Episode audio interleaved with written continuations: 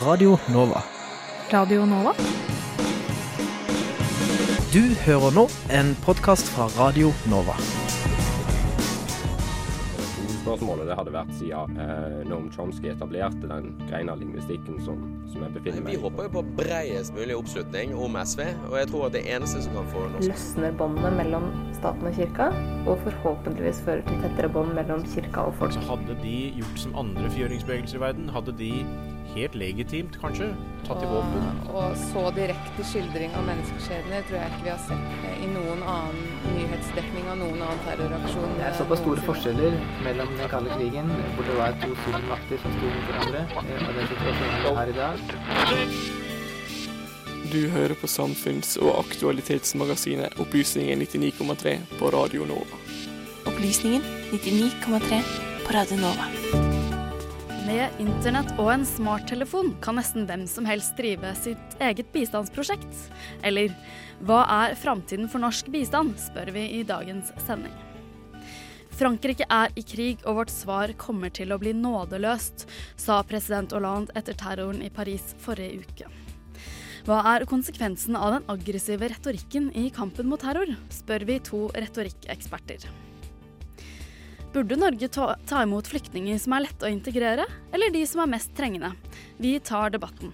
En feriestasjon har en innvirkning på den enkelte nordmanns selvfølelse og identitet. De sliter, og de har ikke råd til å betale eh, markedspriser for, for gassen. Akkurat nå hører du på Radio Novas samfunns- og aktualitetsmagasin, Opplysningen 99,3.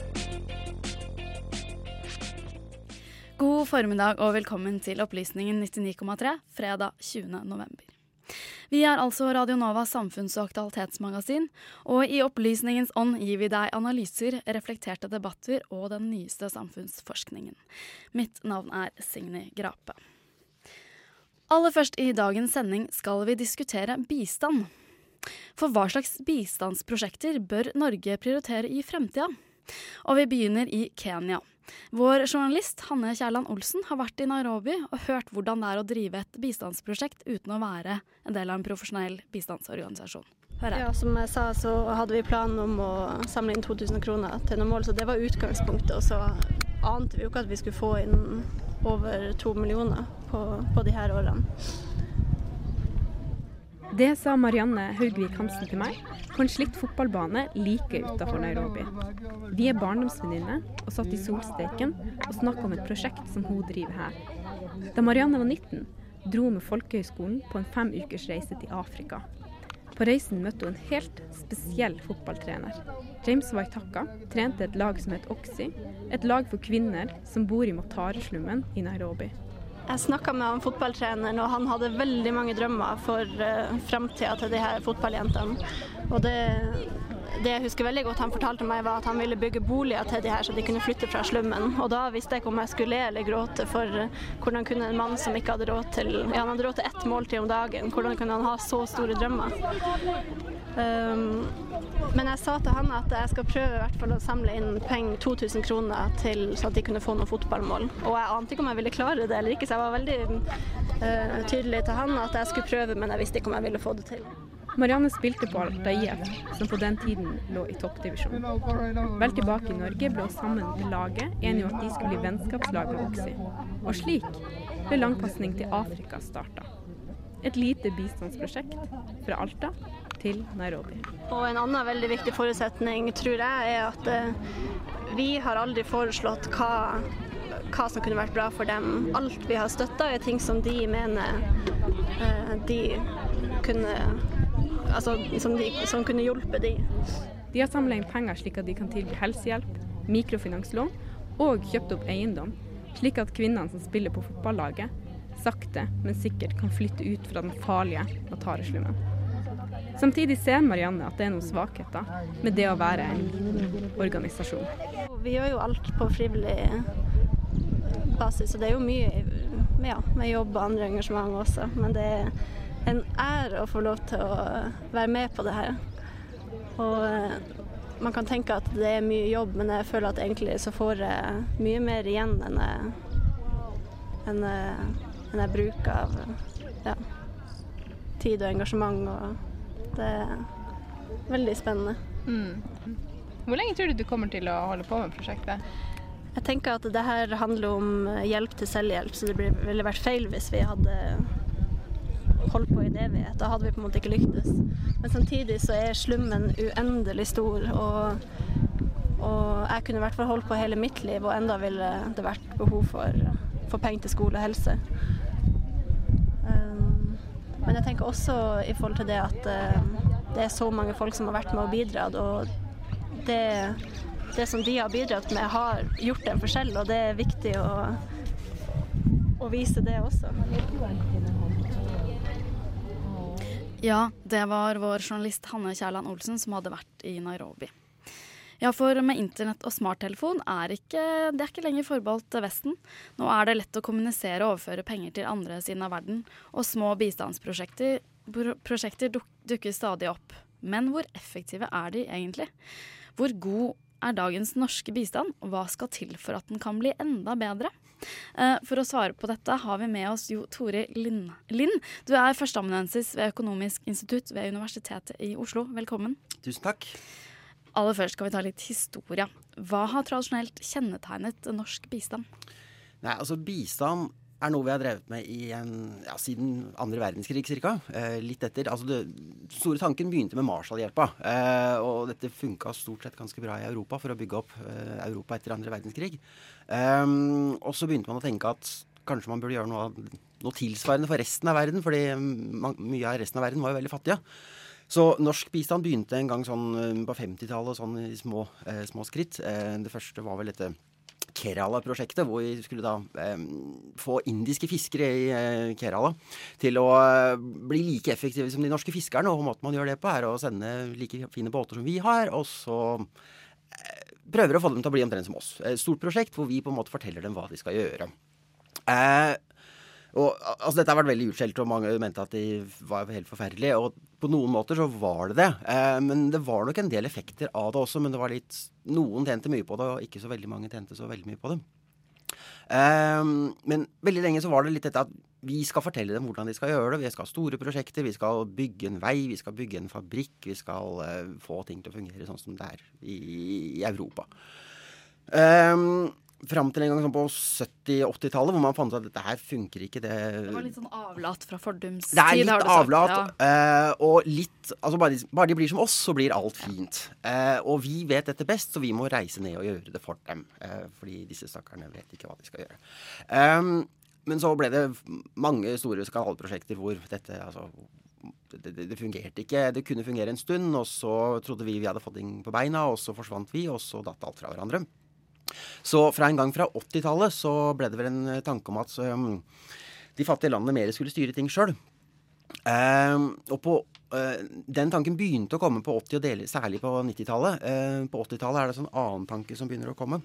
At man må legge mer føringer på, uh, på hva landene skal gjøre for å få bistand. det er på en måte ikke nok at det er fattige land. De må også oppføre seg pent. Eh, og særlig på 80-tallet så var å oppføre seg pent det samme som å ha en minst mulig stat og um, innføre markeder for flest mulig ting. Altså det som ofte kalles for Washington-konsensusen. Altså en sånn triangel mellom um, Verdensbanken, IMF og delvis amerikanske interesser, som um, nok gjerne forbindes med høyresida. Og hvor store deler av europeisk, iallfall venstreside, uh, var ganske skeptisk. Fra um, en gang på 90-tallet um, så fant man ut for det første at den liberalisering, eller li, liberale um, politikken kanskje ikke funka så veldig godt. Altså Den var, førte til større fattigdom, at noen rike kanskje ble rikere, men at de store gruppene ikke vant så mye på det. og så var man mer fokus på litt det samme som vi hørte i reportasjen. Altså fotballag og sånne små eh, sivilt samfunnsprosjekter. Få, litt sånne ting på beina. For det er et samfunn hvor, hvor ingen hvor ingen, ingen, sånne ting fungerer. De, de, det kan på en måte ikke fungere som et land heller. Så man tenkte at man skulle prøve å bygge det litt fra bånn, og så kommer det etter hvert. Og det er en tanke som jeg tror fortsatt er der i stor grad. Um, så har det fått... mange av skalaen, for å si det sånn. Og hva, Veldig mange ender av skalaen. Hva vil du si på en måte karakteriserer norsk bistand i dag? Så man kan si noe sånt. Det er så enorme mye penger og mange ja, det, prosjekter. Det, det, er kjempestore si beløp. Det er veldig mye vi, vi, bruker penger på. Altså, en av de tingene vi bruker ganske mye penger på, er uh, det som heter budsjettstøtte. Altså at vi støtter statene uh, som er fattige. Og det er på en måte at de vet best hva som er bra for seg sjøl. Så vi bare putter penger rett inn i statsbudsjettet? Man nesten bare putter penger rett inn i statsbudsjettet. Det er litt føringer på hva de skal bruke det til, og litt ettersyn og sånt nå. Men dette er litt skummelt fordi ganske mye av det kan forsvinne i steder vi egentlig ikke har tenkt det skulle forsvinne. Ja, og det har vi jo hørt om en en del ganger også. Ikke sant. Men du har forsket på og skrevet om små bistandsprosjekter, og du har konkludert med at mindre og lokale prosjekter er som regel bedre enn store og nasjonale prosjekter. Hvorfor er du kritisk til de store prosjektene? Nei, store prosjekter eh, er fine på den måten at de er store. altså De kan på en måte gjøre noe stort hvis, man, hvis de funker. Men problemet er at de ofte er veldig vanskelig å få til å fungere. Hva er et Eh, stort prosjekt, bare sånn veldig kort? Bygge en fabrikk, bygge en kjempestor vei, bygge en kraftstasjon. Eh, og- Kraftstasjon, det er et stort Kraftstasjon er et stort prosjekt. Um, og det er et prosjekt som hvis det hadde fungert, hadde vært kjempefint, fordi det trenger de i mange av disse landene. Men det er så vanskelig å få til. Eh, det er så veldig sannsynlig at det går på ryggen. eh, og da det krever det kanskje en god infrastruktur og et godt oppbygd stats... Man trenger på en måte et statsapparat og noen institusjoner og noen som gjør jobben sin. Og på en måte mange etter hverandre som gjør jobben sin. Eh, mens mindre prosjekter er på en måte ikke så Det går ikke så gærent hvis det går gærent. Og det er, altså det er jo ganske mye forskning på hva som fungerer av bistand. Og noen sånne bistandsskeptikere sier at nei, bistand fungerer ikke. Det beste er at vi bare glemmer bistand og trekker oss ut.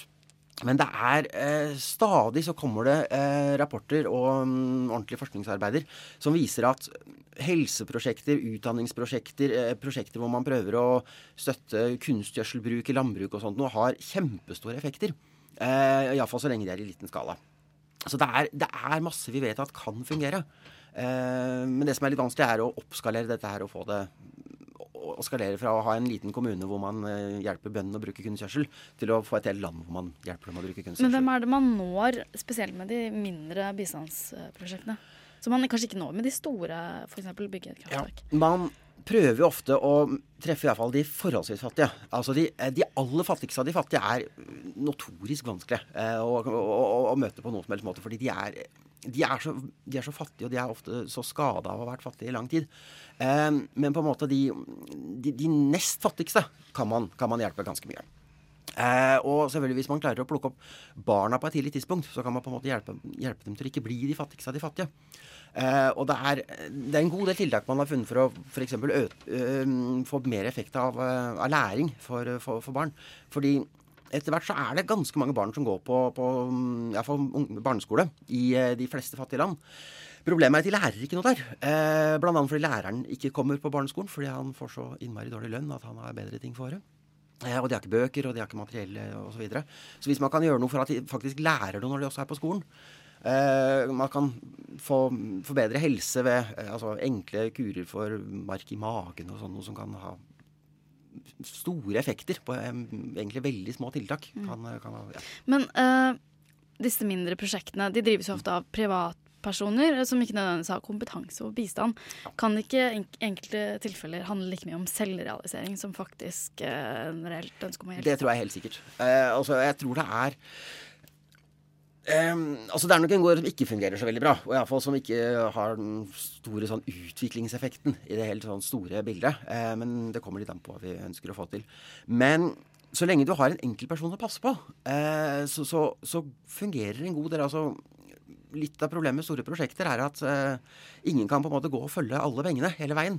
Mens med et lite prosjekt som noen føler eierskap til, og her har jeg samla inn pengene, her skal jeg bruke det til noe, så passer det jo på at det, det, det, kommer dit det skal.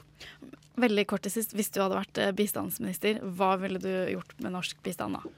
Ehm, jeg ville Jeg er veldig opptatt av at vi skal prøve å sikre at de tingene vi bruker penger på, faktisk virker. Eh, så at vi faktisk også bruker noen ressurser på å evaluere på en ordentlig måte om det går til noe fornuftig.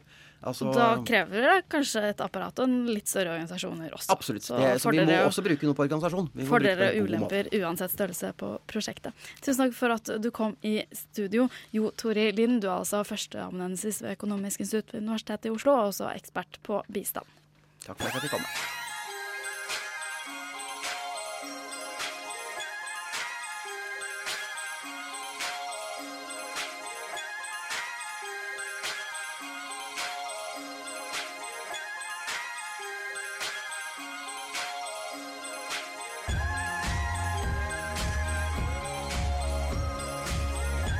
Siden 1982 har Radionova gitt deg favorittmusikken din. Før du visste at du likte den.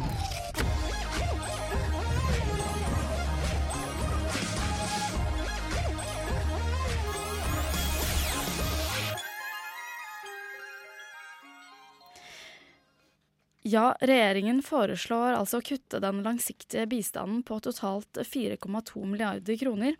Og fortsatt sitter regjeringspartiene og samarbeidspartiene i intense forhandlinger om budsjettet. Og det ryktes at de kanskje blir ferdig i morgen, vi får se. Eh, og nettopp bistand er et av stridsspørsmålene. Og vi spør derfor hva er fremtiden for norsk bistand? Er det de små eller de store prosjektene vi skal satse på fremover, dersom vi må prioritere hardere fremover? Og med oss, i, um, med oss på telefon har vi Jon Olav Ryfetten, som bl.a. driver bidra.no, en norsk nettside for crowdfunding, eller folkefinansiering. Er du med oss på telefon? Ja da, jeg hører deg godt. God formiddag.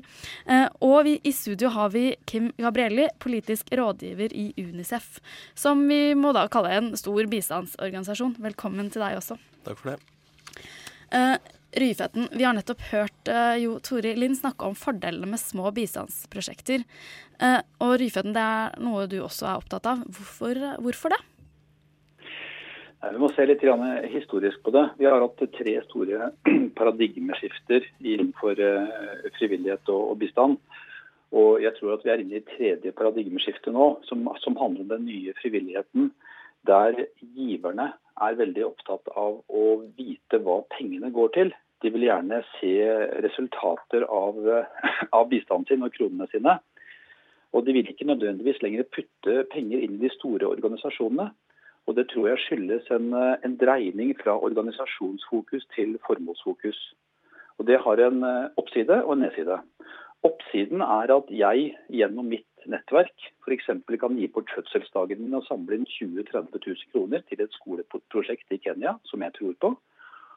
Og ser da konkret hva pengene går til, og får da resultater tilbake fra f.eks. Unicef hvis det skjer i regi av dem. Bakdelen er at hvis hver mann skal ha sitt bistandsprosjekt, så kan det bli litt problematisk.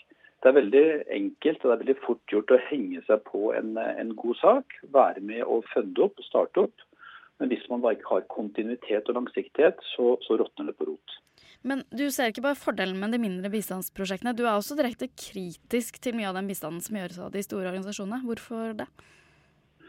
Mye av den, eh, den bistanden som har, eh, som har, blitt praktisert de siste 20 årene, har jo handlet om å sluse altfor mye penger til prosjekter som ikke, som ikke, fungerer. Eh, det var jo som intervjuobjektet ditt sa, var veldig tydelig på. Man er nødt til å fokusere bistanden på ting som, som virker. Jeg, jeg, tror ikke så veldig mye på den gamle måten å tenke på at nå skal vi hjelpe disse fattige menneskene med, med penger og fiskebåter og traktorer. Man må faktisk tenke bærekraft og næringsutvikling. Ja, uh, Gabriel fra Unicef, du vil sikkert svare på denne kritikken. Dere er en av de som kanskje da sluser altfor mye penger inn i altfor store prosjekter. Jeg tror vi må ta et skritt tilbake, for spørsmålet er på en måte hva er det som er viktig for utviklingen? Hva er det som er viktig for at de mest sårbare og de som uh, trenger utvikling kanskje mest, uh, kommer seg ut av den situasjonen de er i? Og det vi vet, er at den økonomiske veksten er sannsynligvis det aller viktigste. Det at man har en jobb å gå til. Eh, og da blir jo spørsmålet hva er det som er viktig for det. Eh, da er jeg helt enig. Altså Vi må eh, fortsette å jobbe med næringsliv. Lokale entreprenører, som det f.eks. kan bidra til gjennom bidra.no, er veldig viktig. På den annen side så er det sånn at mange nås ikke, får aldri en jobb i et næringsliv. Fordi det kanskje ikke fins et næringsliv i de fattigste landene i Afrika eller i Sør-Asia. Da er vi nødt til å bygge et system som gjør at man kan eh, få en utdanning eh, få, og få helse, sånn at man seinere kan få seg en jobb i det, eh, i det, altså i det legale arbeidsmarkedet. Eh, og Derfor så tror jeg dette handler om at vi må inkludere alle typer aktører. Både de som kan bygge skolesystemer og helsesystemer, som UNICEF gjør sammen med statene, som FNs barnefond. men også andre aktører som, som enkeltindivider. Eh, Samarbeider UNICEF f.eks. med mindre aktører eller enkeltmennesker? Absolutt. Altså UNICEF er jo et fond, så vi betaler ut penger til lokale aktører. Eh, I hvert land vi er, så samarbeider vi både med næringslivet og med lokale aktører. Mindre organisasjoner, og vår største samarbeidspartner er regjeringene i alle disse landene. Eh, Men f.eks. i Syria, så for en tid tilbake så hørte jeg tall på 72 samarbeidspartnere. Som er, ettersom sant, Situasjonen krever ulike typer samarbeidspartnere. Det er det som er mitt poeng. Altså, kvaliteten er viktig, det må være gode samarbeidspartnere. Så vil det noen ganger være bra med mindre eh, initiativ eh, fra enkeltpersoner.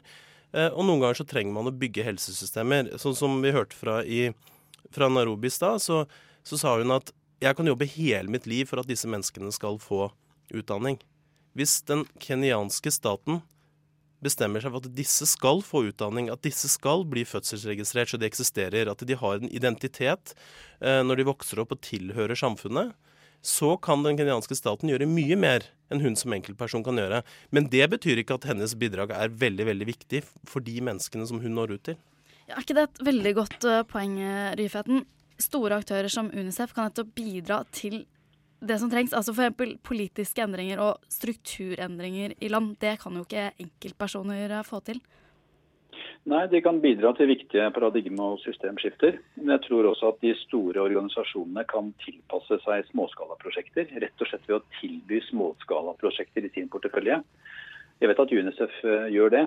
Og hvis UNICEF kan tilby meg å være med å finansiere opp et, eh, si et skoleprosjekt som er innenfor de økonomiske rammene jeg kan håndtere gjennom mitt nettverk, så kan vi samhandle, og da kan det bli vinn-vinn for begge to. Jeg kan bidra til å gjennomføre et lite mikrobistandsprosjekt som jeg og mitt nettverk tror på, som vi får se resultater av, og som vi er stolte av.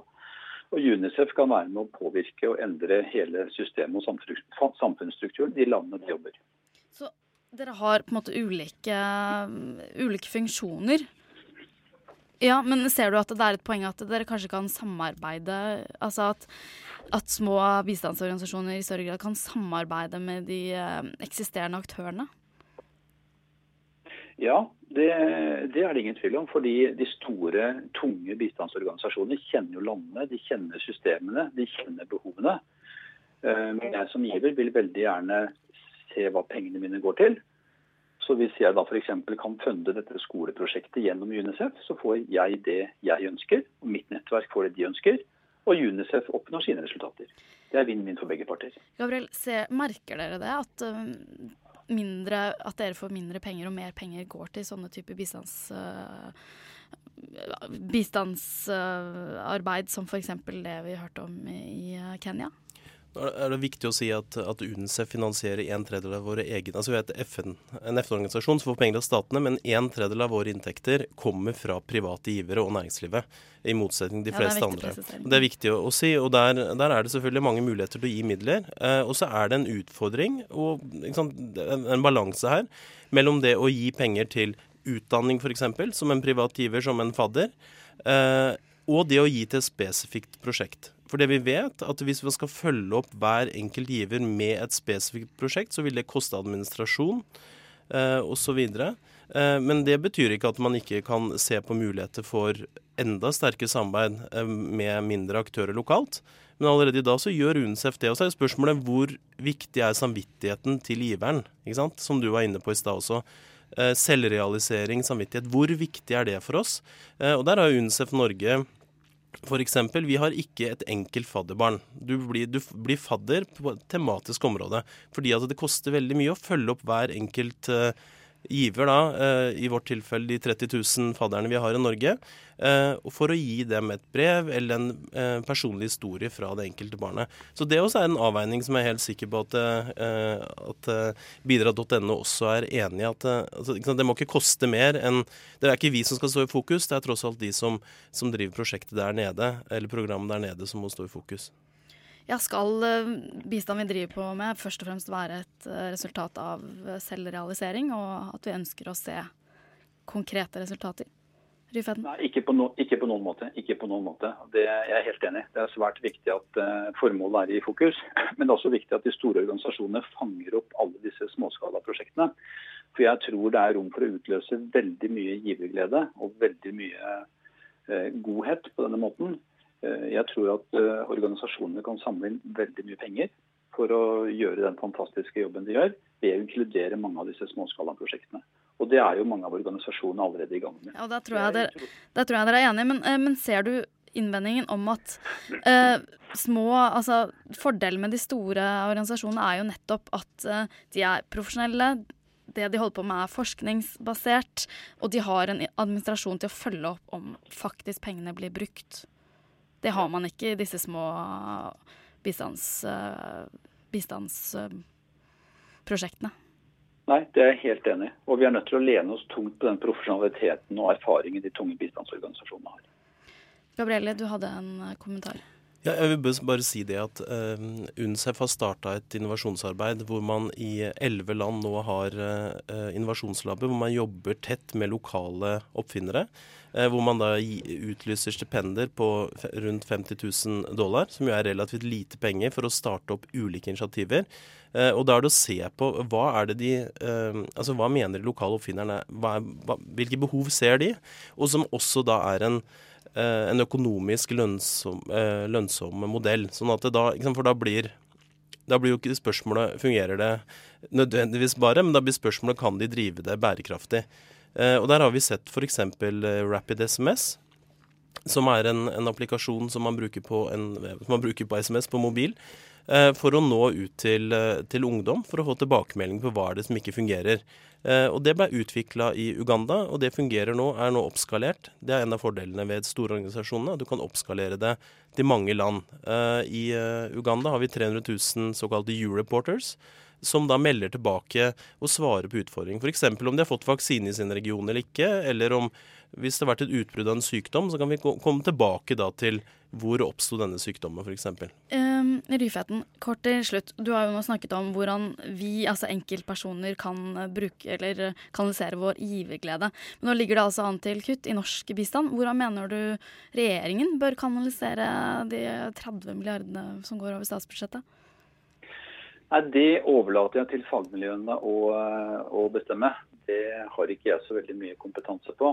Det jeg ser er at vi kan eh, få nordmenn til å gi enda mer penger til gode formål. Og at de store organisasjonene kan høste veldig mye hvis de gjør tingene riktig. Det tror jeg dere er enige om. Da må vi avslutte der. Takk til deg, Jon Olav Ryfeten. Du driver bl.a. altså nettsiden bidra.no. Og Kim Gabrielli, du er politisk rådgiver i Unicef.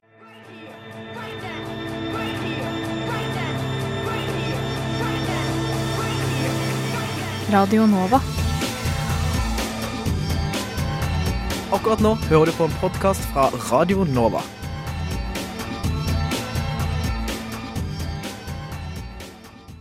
Og ja, eh, mandag holdt eh, president Hollande en historisk tale til den franske nasjonalforsamlingen, der han slo fast at Frankrike er i krig etter forrige ukes terrorangrep i Paris. Retorikken fra franske politikere den siste uken har klare likhetstrekk med språket som ble brukt etter 11. september-angrepene i USA. Er denne krigsretorikken en nødvendighet for Frankrikes ledelse i den kommende kampen mot terroristene? Eller skaper den bare mer splittelse, aggresjon og frykt i befolkningen? Og påvirker denne fryktretorikken i forbindelse med terrorhandlinger oss alle? Eh, med oss på telefon har vi Berit von der Lippe. Du er professor emeritus ved Handelshøyskolen BI og ekspert på retorikk i krig og retorikk om terror. Velkommen. Ja, takk. Og i studio har vi Kjell Lars Berge, professor i tekstvitenskap ved Universitetet i Oslo og også retorikkekspert. Velkommen til deg også.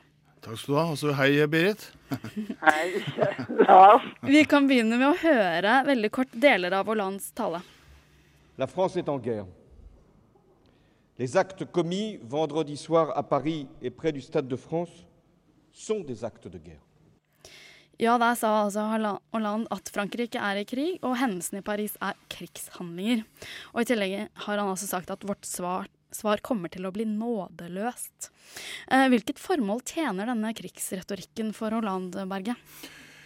Jeg tror ikke han hadde noe som helst valg, og det er to grunner til det. Det ene er, altså I retorikken da, så snakker vi om Kairos eller retorisk situasjon. altså Du er nødt til å svare på et påtrengende problem. Du må nødt til å løse en situasjon gjennom ytringen din. da.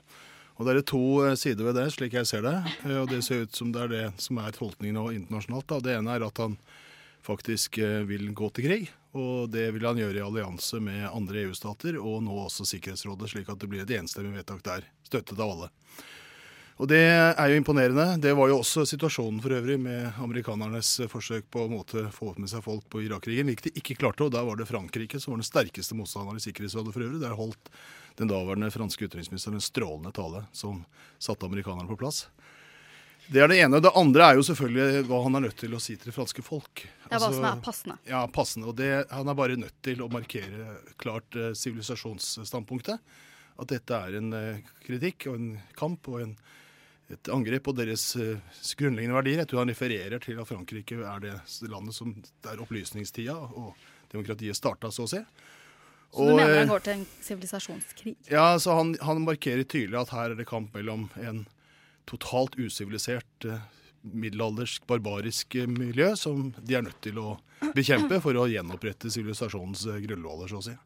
Von, von der Lippe, ordet krig brukes ofte om konflikter mellom to stater, men her bruker altså Hollande ordet krig for å beskrive kampen mot ISIL, som jo nettopp ønsker å bli en stat. Gjør han dermed dem en tjeneste ved å tillegge dem rollen som en motpart i en krig?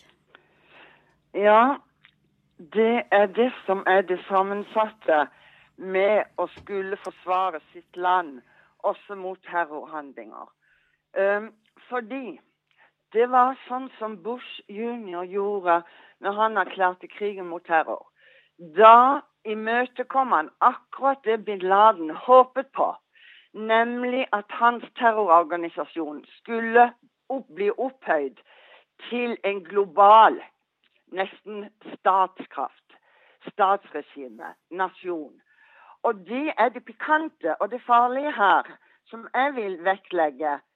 Um, ja, han måtte stå frem og langt og være beskytteren av Frankrike.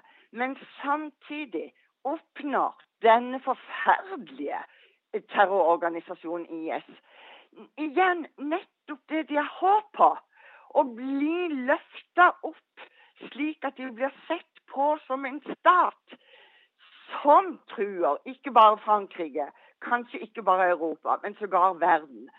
Så de tilhørende IS, de hadde nær sagt lovpriser denne type retorikk. Og det er virkelig det sammensatte med å fremstå som potent forsvarer sitt land. Hva gjør man i forhold til motparten, om du vil. Og dette er faktisk også farlig retorikk, for å føye til at da må du også vise handling i tråd med at du går til krig. Og det er jo det vi så, for dette handler også om visuell krig. Vi har sett eh, eh, hangarskipet, eh, de Gaulle, det er mektig skip. Vi har sett fly av lette fra hangarskipet. Altså, det er så visuelt, det hele. Så um, denne potente krigsretorikken, den krever krigshandling, så å si. Så, så jeg mener han kunne absolutt stått frem som beskytteren av Frankrike uten å ha sagt at Frankrike er i krig. Så du er kritisk til denne krigsretorikken. Berge, du hadde en kommentar? Ja, nei, altså, Jeg syns jo det er en ganske stor forskjell faktisk fra den situasjonen som var med Bush. Eh, for det første så var jo ikke Al Qaida en armé i den størrelsesorden vi snakker om her. Altså IS, som de jo kaller seg selv, den islamske staten, er faktisk en statsdannelse under utvikling. og det er et uh, territorium de uh, har kontroll over, hvor de behandler altså, de som bor der, på det absolutt jævligste måte vi kan tenke oss. Unge kvinner blir voldtatt. Det er jo så ubefattelig at det er grenseløst ondskap. Sånn at det er en statsdannelse. Det er ikke en gjeng med gærninger som i tilfelle med USA gikk til angrep og kjørte disse flyene inn i tårnet osv. Så, videre. så det er det ene. Så det, det er andre ikke denne, denne endetidsretorikken Nei, som altså, Bush står innenfor? Der, og det vil jeg også si, altså, det, er, det det ene. Det andre forskjellen vil jeg si, det er at uh, her rettes jo angrepet mot den rette part. Altså Det som gjordes feil da, ikke sant? det var til angrep på, på Saddam Hussein. Helt håpløst. Det var løgn ikke sant, til grunnlag for det. Det tredje er det som du sier med, metaforikken, og den har jeg ikke studert i veldig grundig, så det kan sikkert litt mer enn om meg. men i det bushiske, altså det Bush-repertoaret av retoriske bilder så er det en religiøs dimensjon. Det syns jeg ikke det er her. Jeg hørte på Hollande og, og ser at er er den- ja, er, ja, nettopp. Det er en sekulær argumentasjon. Det er knyttet til universelle menneskerettigheter, og det er en annen måte å argumentere på, altså. Vi, har enn faktisk, det vi kan som Bush gjorde. faktisk kort høre en liten kavalkade over Bush sine uttalelser rett i etterkant av 11.9.2001. On September the 11th, enemies of freedom committed an act of war against our country. The enemy of America is not our many Muslim friends. It is not our many Arab friends. Our enemy is a radical network of terrorists and every government that supports them. States like these and their terrorist allies constitute an axis of evil, arming to threaten the peace of the world by seeking weapons of mass destruction. Either you're with us, either you love freedom and with nations which embrace freedom, or you're with the enemy. There's no in between. Ja, dette var altså da Bush uttalelser rett i etterkant av 11.9.2001. Det begynner jo å bli noen år siden. Fonny Lippe, ser du noen, eh, ja, ser du noen fellestrekk med Hollande sine uttalelser nå og Bush eh, sine uttalelser da? Ja, jeg gjør jo det. Og det um, Altså, ikke sant Når du har en sånn forferdelig terrororganisasjon som IS, så opplever jeg som retoriker at det er så vanskelig å være kritisk til den retorikken som brukes av vestlige land. For det er nesten som om vi mistenkeliggjøres for ikke å se på den terroren som helt forferdelig. Og jeg mener når man har, burde ha lært av eh, lignende krigserklæringer, som den Bush leverte etter september 11. Og man har sett konsekvenser av retorikken som altså, som jeg sa i stad, inviterer til og krever handling, ditto-handling, så mener jeg man burde kunne fremstå som forsvarer av sitt eget folk uten å ta det helt ut.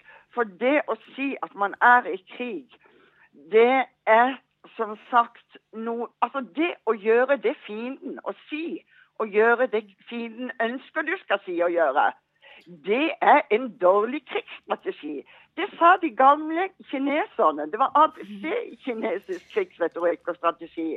Gjør iallfall ikke det fienden ønsker du skal gjøre.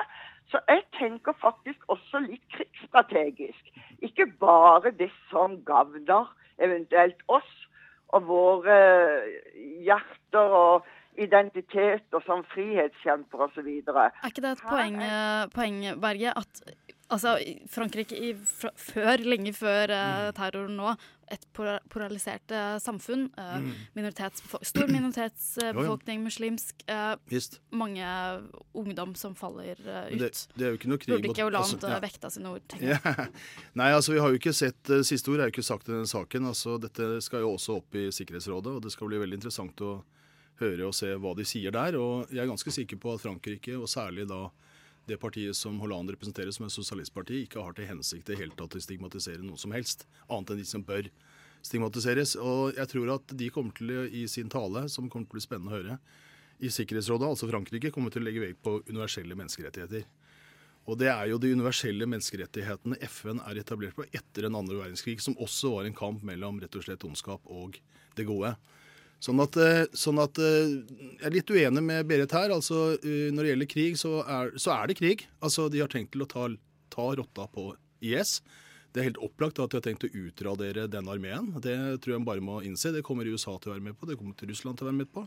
Kineserne stilte seg bak i dag, så jeg. Så at her kommer den siviliserte del av verden til å ta disse folkene. Og så skal det selvfølgelig ryddes opp etterpå. Og da kommer vi inn på det som du er inne på, med de store problemene som det er med integrering av visse grupper, f.eks. i Frankrike et, og andre deler av verden. Så Sverige også, for øvrig. Et annet poeng. Hvor mye plass til følelser er det hos eh, statsledere, altså patos, enten om det er planlagt eller mindre planlagt, ved slike anledninger? Og vi har et eh, nytt eh, eksempel, norsk eksempel sådan. For meg er det jo først og fremst sorg. Jeg har giftet meg i Paris. Det er en by som jeg har vært mye i. Det er en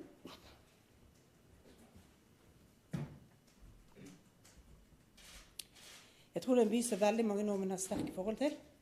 Å vite at de angriper uten mål og mening, det er tøft. Samtidig er jo vår jobb å tenke gjennom hva betyr dette for oss. Hvordan kan vi bidra til at terroristene ikke vinner? Ja, en uh, tydelig følelsesladd uh, statsminister Erna Solberg nå rett i etterkant av Paris-terroren. Og det må være en utrolig vanskelig balanse for statsledere i slike pressede situasjoner.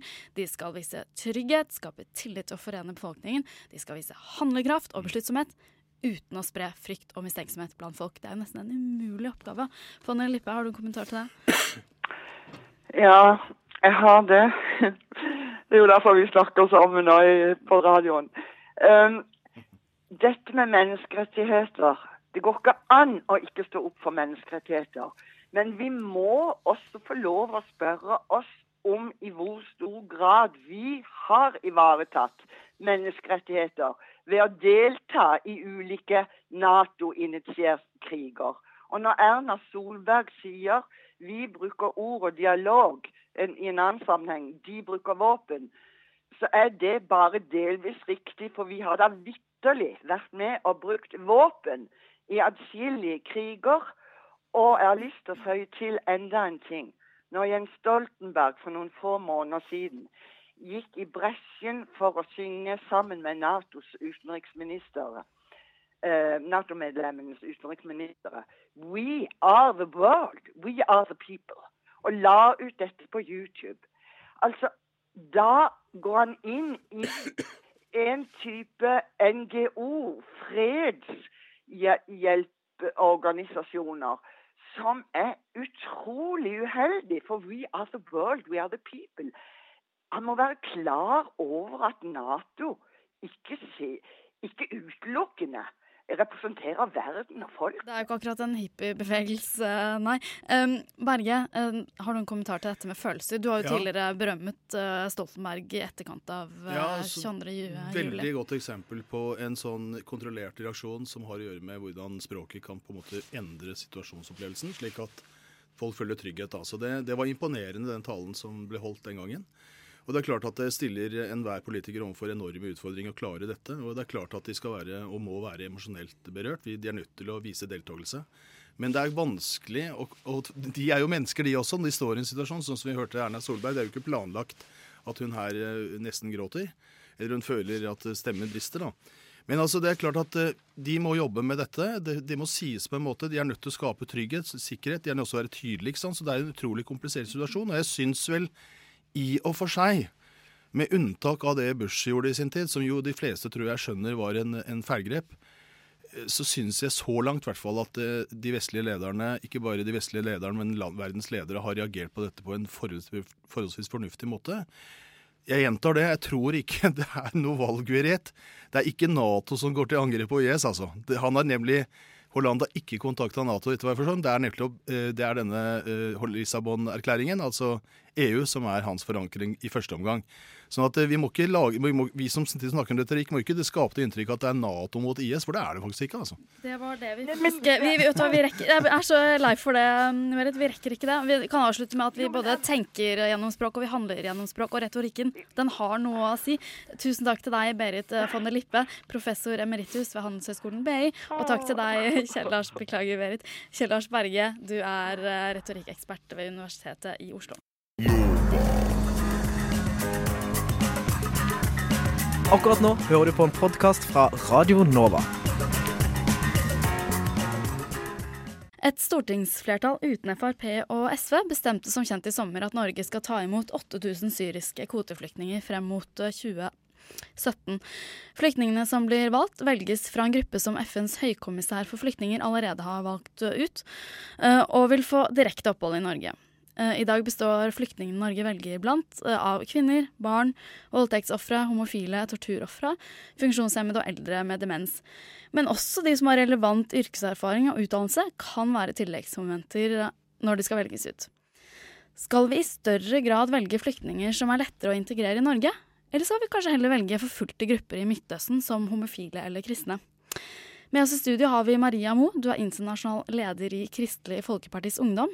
Og vi har Atle Simonsen, formann i Fremskrittspartiets Ungdom. Velkommen til dere begge. Takk for det. Simonsen, mm, vi skal ikke diskutere om vi skal ta imot 8000 Syria-flyktninger, eh, men når vi nå først skal ta imot dem, hvem skal vi velge etter deres mening? Først og fremst så vil jeg si at vi må velge folk som har et reelt beskyttelsesbehov. Det er vi enige om. Eh, og og, og det, det, gjør alle disse. Alle disse som vi har å velge blant, er mennesker som er i nød og trenger hjelp. Um, og nå når vi skal ta imot så mange som 8000 stykker, så setter det et visst press på norsk kultur og norske verdier. Uh, når vi skal ta imot så mange over kort tid.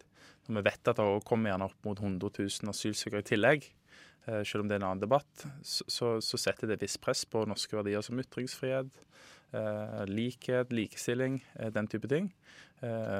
Som vi på sett og vis er nødt til å jobbe med for å integrere disse menneskene som kommer, til å være en del av våre vestlige verdier og akseptere å leve etter de.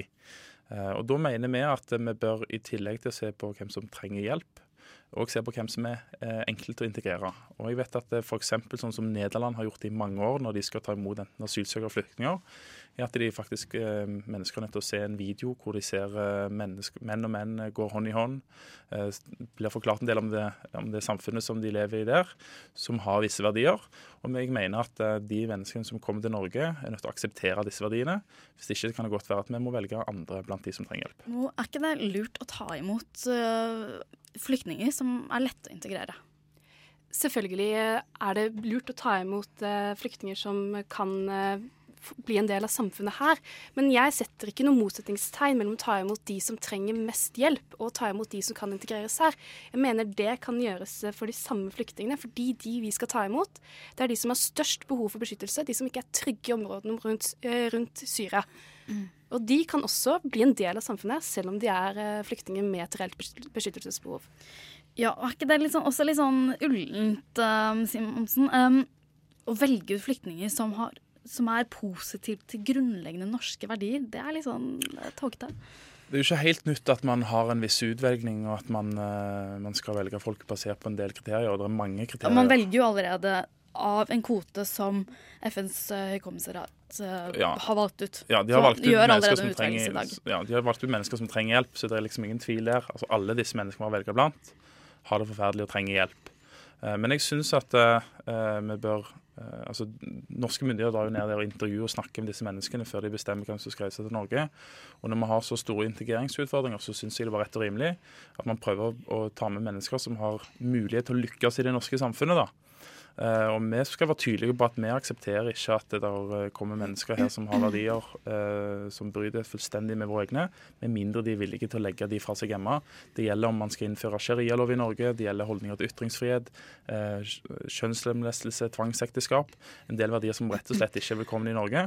Og de må på en måte legges igjen der hvis de skal være velkomne her. Uh, Mo, uh, Geir Toskedal fra KrF sa at han er provosert over at Frp hele tiden kommer med nye kriterier over hvilke flyktninger som skal bortprioriteres, og at han frykter at man kan havne i en situasjon der snart ingen kvoteflyktninger får slippe inn i landet. Er du enig i det? Uh, ja, på den retorikken som FBU kommer med her, så er jeg enig i det Toskedal sier. Og det er jo et reelt problem med å bygge på flere og flere unnskyldninger for ikke å slippe folk inn.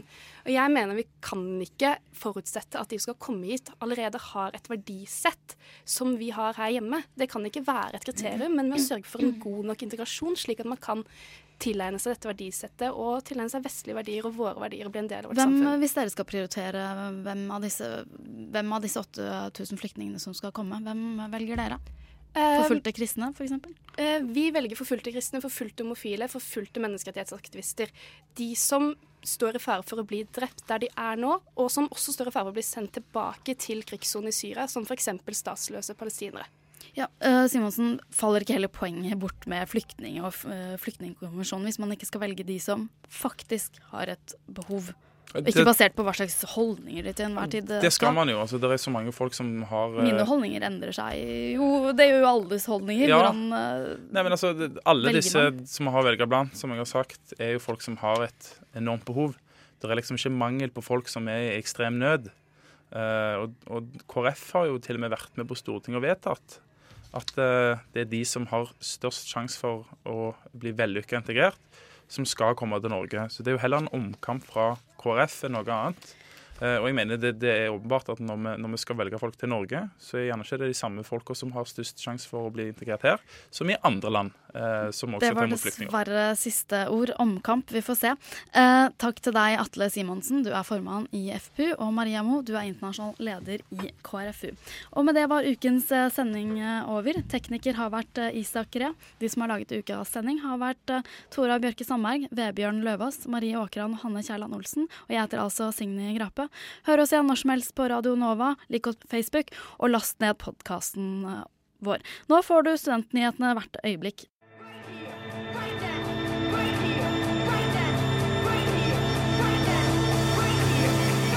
Radio Nova. Du har hørt en podkast fra Radio Nova. Likte du det du hørte? Du finner flere podkaster i iTunes og på radionova.no.